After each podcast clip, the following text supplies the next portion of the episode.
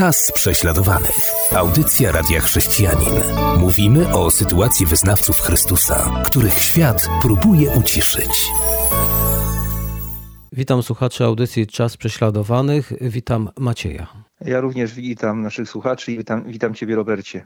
W naszej kolejnej audycji będziemy chcieli nawiązywać do tego, co się dzieje teraz aktualnie na Ukrainie, w Rosji, ale też postaramy się zwrócić uwagę w kierunku też innym. Powiedz nam, Macieju, coś więcej.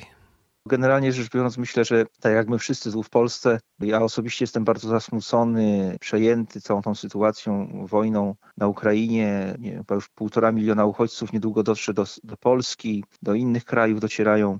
Podobnie jak większość Polaków, podobnie jak zdecydowana większość chrześcijan w Polsce, osobiście i poprzez głos prześladowanych chrześcijan dokładamy starań, żeby no, wspomagać, pomagać tym biednym ludziom, którzy uciekają przed wojną, ale równocześnie z bardzo ciężkim sercem myślę o naszych braciach i siostrach, którym już od lat usługujemy jako głos prześladowanych chrześcijan, ponieważ oni znoszą prześladowania za wiarę i w wielu różnych krajach, w Afryce, w Azji, i wciąż liczą na nasze wsparcie, na naszą pomoc. Mamy otwartych szereg projektów. No i wiem, zdaję sobie sprawę, że pomimo ogromu wyzwań, jakie mamy tutaj, no nie możemy zapomnieć też o naszych braciach i siostrach w innych krajach. Więc zdwajamy wysiłki, żeby to wszystko ogarnąć. I gdy tak w ostatnich dniach skanowałem te nasze projekty, to z jaką grupą ludzi przede wszystkim współpracujemy, mówiąc tu o naszych braciach i siostrach w Afryce, w Azji, gdzie są prześladowania, to zobaczyłem ku w pewnym sensie mojemu zaskoczeniu, bo nie klasyfikowałem tego tak dokładnie wcześniej,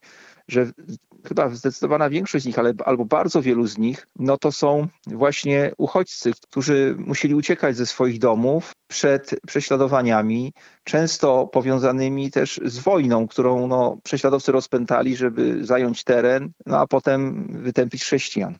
Czy możesz podać jakiś przykład właśnie takiej ucieczki chrześcijan jako uchodźcy z powodu wojny?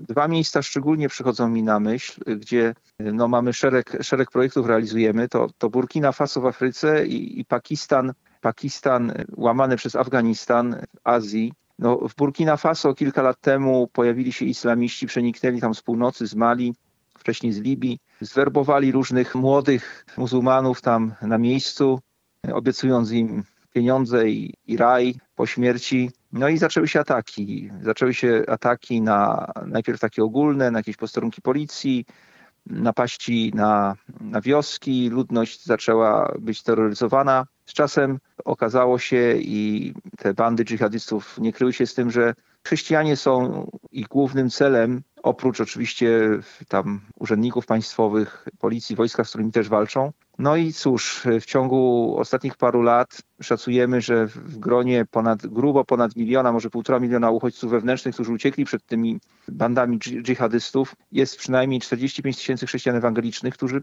masowo uciekli do większych miejscowości w innych rejonach kraju i tam już ubodzy, bo Burkina Faso to jest ubogi kraj, ubodzy chrześcijanie po prostu przyjęli ich do swoich domów, do swoich zborów. No bardzo podobnie to wygląda teraz jak, jak tutaj w Polsce z Ukraińcami.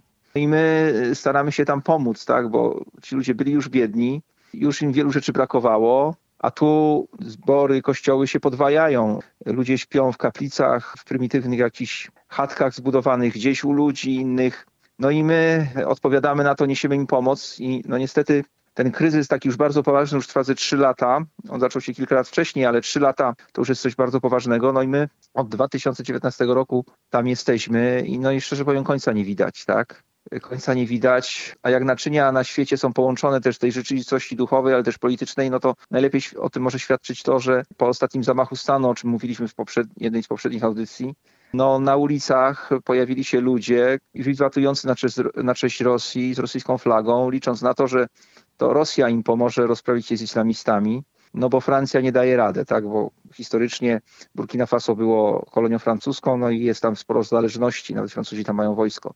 No to Burkina Faso, tak to wygląda, a Pakistan i Afganistan no cóż, współpracujemy też z diasporą pakistańską w Europie. Wielu Pakistańczyków uciekło do Europy przed prześladowaniami. Uciekli też do innych krajów. Generalnie Pakistan jest krajem, gdzie panują jedne z najcięższych prześladowań i mamy stamtąd uchodźców i, i wielu chrześcijan najchętniej by po prostu uciekło z tego kraju, bo tak ciężko i źle im się tam żyje.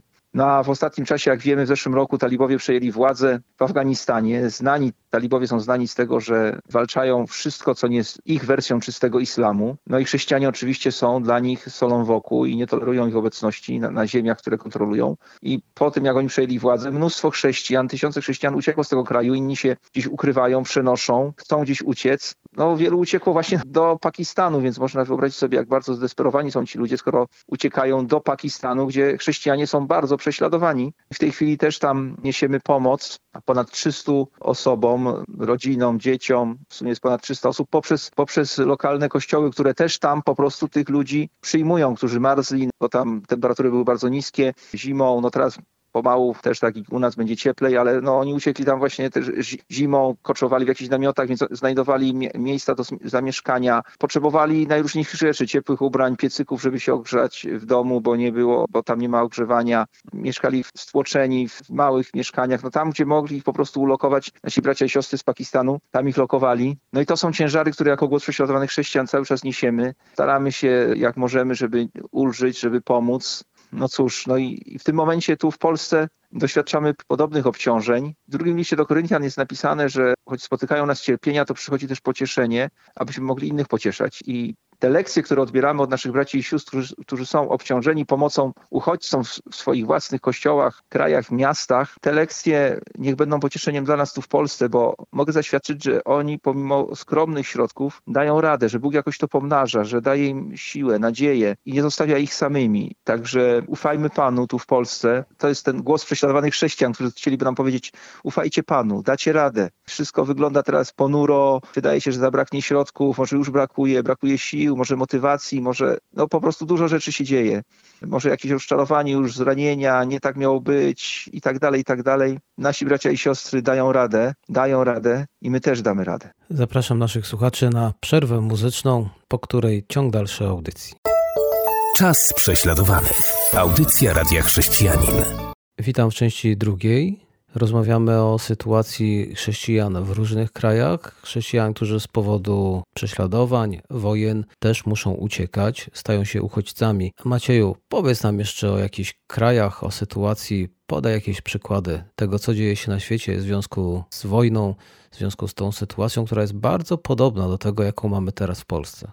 Przede wszystkim, zanim powiem jeszcze o paru krajach, to chciałbym powiedzieć o naszym Panu Jezusie Chrystusie, który już jako małe dziecko, niemowlę, razem ze swoją rodziną, tatą i mamą, ziemskim tatą, wiadomo. Musieli uciekać, jak wiemy, do Egiptu. Byli tam prawdopodobnie parę lat, no bo groziła śmierć, tak? Herod chciał zabić Jezusa i po prostu musieli uciekać. To dla nas wszystkich jest takim pocieszeniem, ponieważ Pan Jezus rozumie. Rozumie tych, którzy uciekają, rozumie tych, którzy z poświęceniem pomagają tym, którzy uciekają. Jest po stronie tych, którzy cierpią, rozumie ich, chce wspierać, chce pomagać. Więc zachęcam, żeby w trudnych chwilach naprawdę zwracać się do Jezusa, prosić Go o siłę, o wsparcie, On nas rozumie, On nam pomoże. I też nie wybiegajmy za bardzo w przyszłość, bo nie wiemy dokładnie, co ta przyszłość przyniesie, jak będzie. Skupmy się na tym, co mamy dzisiaj do zrobienia. Przyjmijmy od naszego Pana siłę na ten konkretny dzień i zaufajmy mu odnośnie przyszłości, bo to on ją kontroluje. I on nie złoży na nasze barki więcej niż możemy unieść.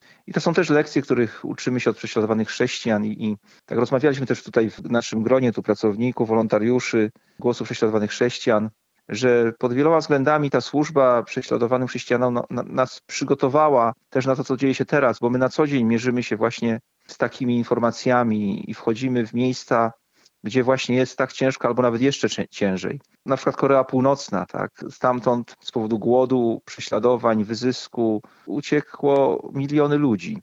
Niektórzy z nich to chrześcijanie, którzy nawrócili się już w Korei Północnej, ale zdecydowana większość po prostu uciekła, bo już nie była w stanie tam żyć, wytrzymać. Uciekli, by ratować swoje życie, by cokolwiek się mogło zmienić. No i gdzie uciekają? Uciekają do Chin, my wiemy, jak w Chinach bywa, prawda? I gdy tam uciekają do tych Chin, to wzdłuż tej granicy chińsko-koreańsko-północnej oni są nikim, tak? Oni nie mają żadnych praw. Tak, nie mogą się nigdzie zarejestrować. Władze chińskie im w niczym nie pomagają. Jak ich złapią, to odsyłają ich do Korei Północnej, a w Korei Północnej lądują w więzieniu. A najgorszym przestępstwem, jakie mogą popełnić, to się nawrócić, mieć przy sobie Biblię, głosić Ewangelię.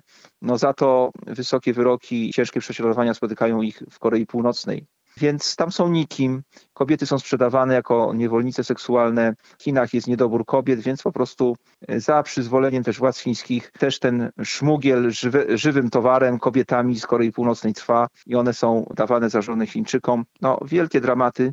Nasza misja z Korei Południowej tam prowadzi szereg działań. Od wielu, wielu lat my te działania wspieramy. Właśnie tam wzdłuż tej granicy głosi Ewangelię, pomaga tym ludziom, wspiera ich. Też różne kościoły chińskie działają na rzecz tych uchodźców. Oczywiście to się nie podoba północnej Korei. Kilka lat temu pastor Han, który był znany z tego, że wielu, wielu tych uchodźców otaczał opieką, głosił im Ewangelię, został po prostu zabity przez nasłanych z Korei Północnej agentów bezpieki. No cóż, no ci ludzie potem próbują się przedostać dalej przez tak zwane trzecie kraje. Wielu, może to nie są setki tysięcy, ale dziesiątki tysięcy, gdzieś dociera do Korei Południowej. Tam próbują się zasymilować. Nie jest to łatwe. Tak naprawdę wśród tych Koreańczyków, wśród Koreańczyków z północy, którzy dotarli do Korei Południowej, wskaźnik samobójstw jest najwyższy na świecie, jeśli chodzi o jaką, jakąkolwiek zwartą grupę społeczną. Proszę sobie wyobrazić, uciekają z Korei Północnej, przedostają się przez Chiny, Tajlandię, Mongolię, jakieś inne kraje do Korei Południowej i tam nie mogą się zasymilować ze społeczeństwem. To jest dla nich zupełnie obcy świat. Przeżyli traumę, przeżyli koszmar i popełniają samobójstwo, bo już nie mają żadnej nadziei. Dotarli tam, gdzie miał być raj dla nich, a nie mogą się odnaleźć mówią, to już koniec. I tam również nasza misja głosimy Ewangelię i na każdym odcinku staramy się głosić Ewangelię tym ludziom i kościoły chrześcijańskie głoszą Ewangelię i to jest, to jest niesamowicie ważne i w kontekście tego, co się teraz dzieje, to, co się już wydarzyło, to, to się nie zagoi przez lata, lata, lata, a, a ci, którzy przeżyli głęboką traumę, gdzieś będą to pamiętać przez całe życie, gdzieś to się będzie w nich odzywać i tu oprócz tego, że pomagamy, że dajemy kromkę chleba, my jako chrześcijanie, to jest bardzo ważne, że dajemy schronienie, że okazujemy troskę,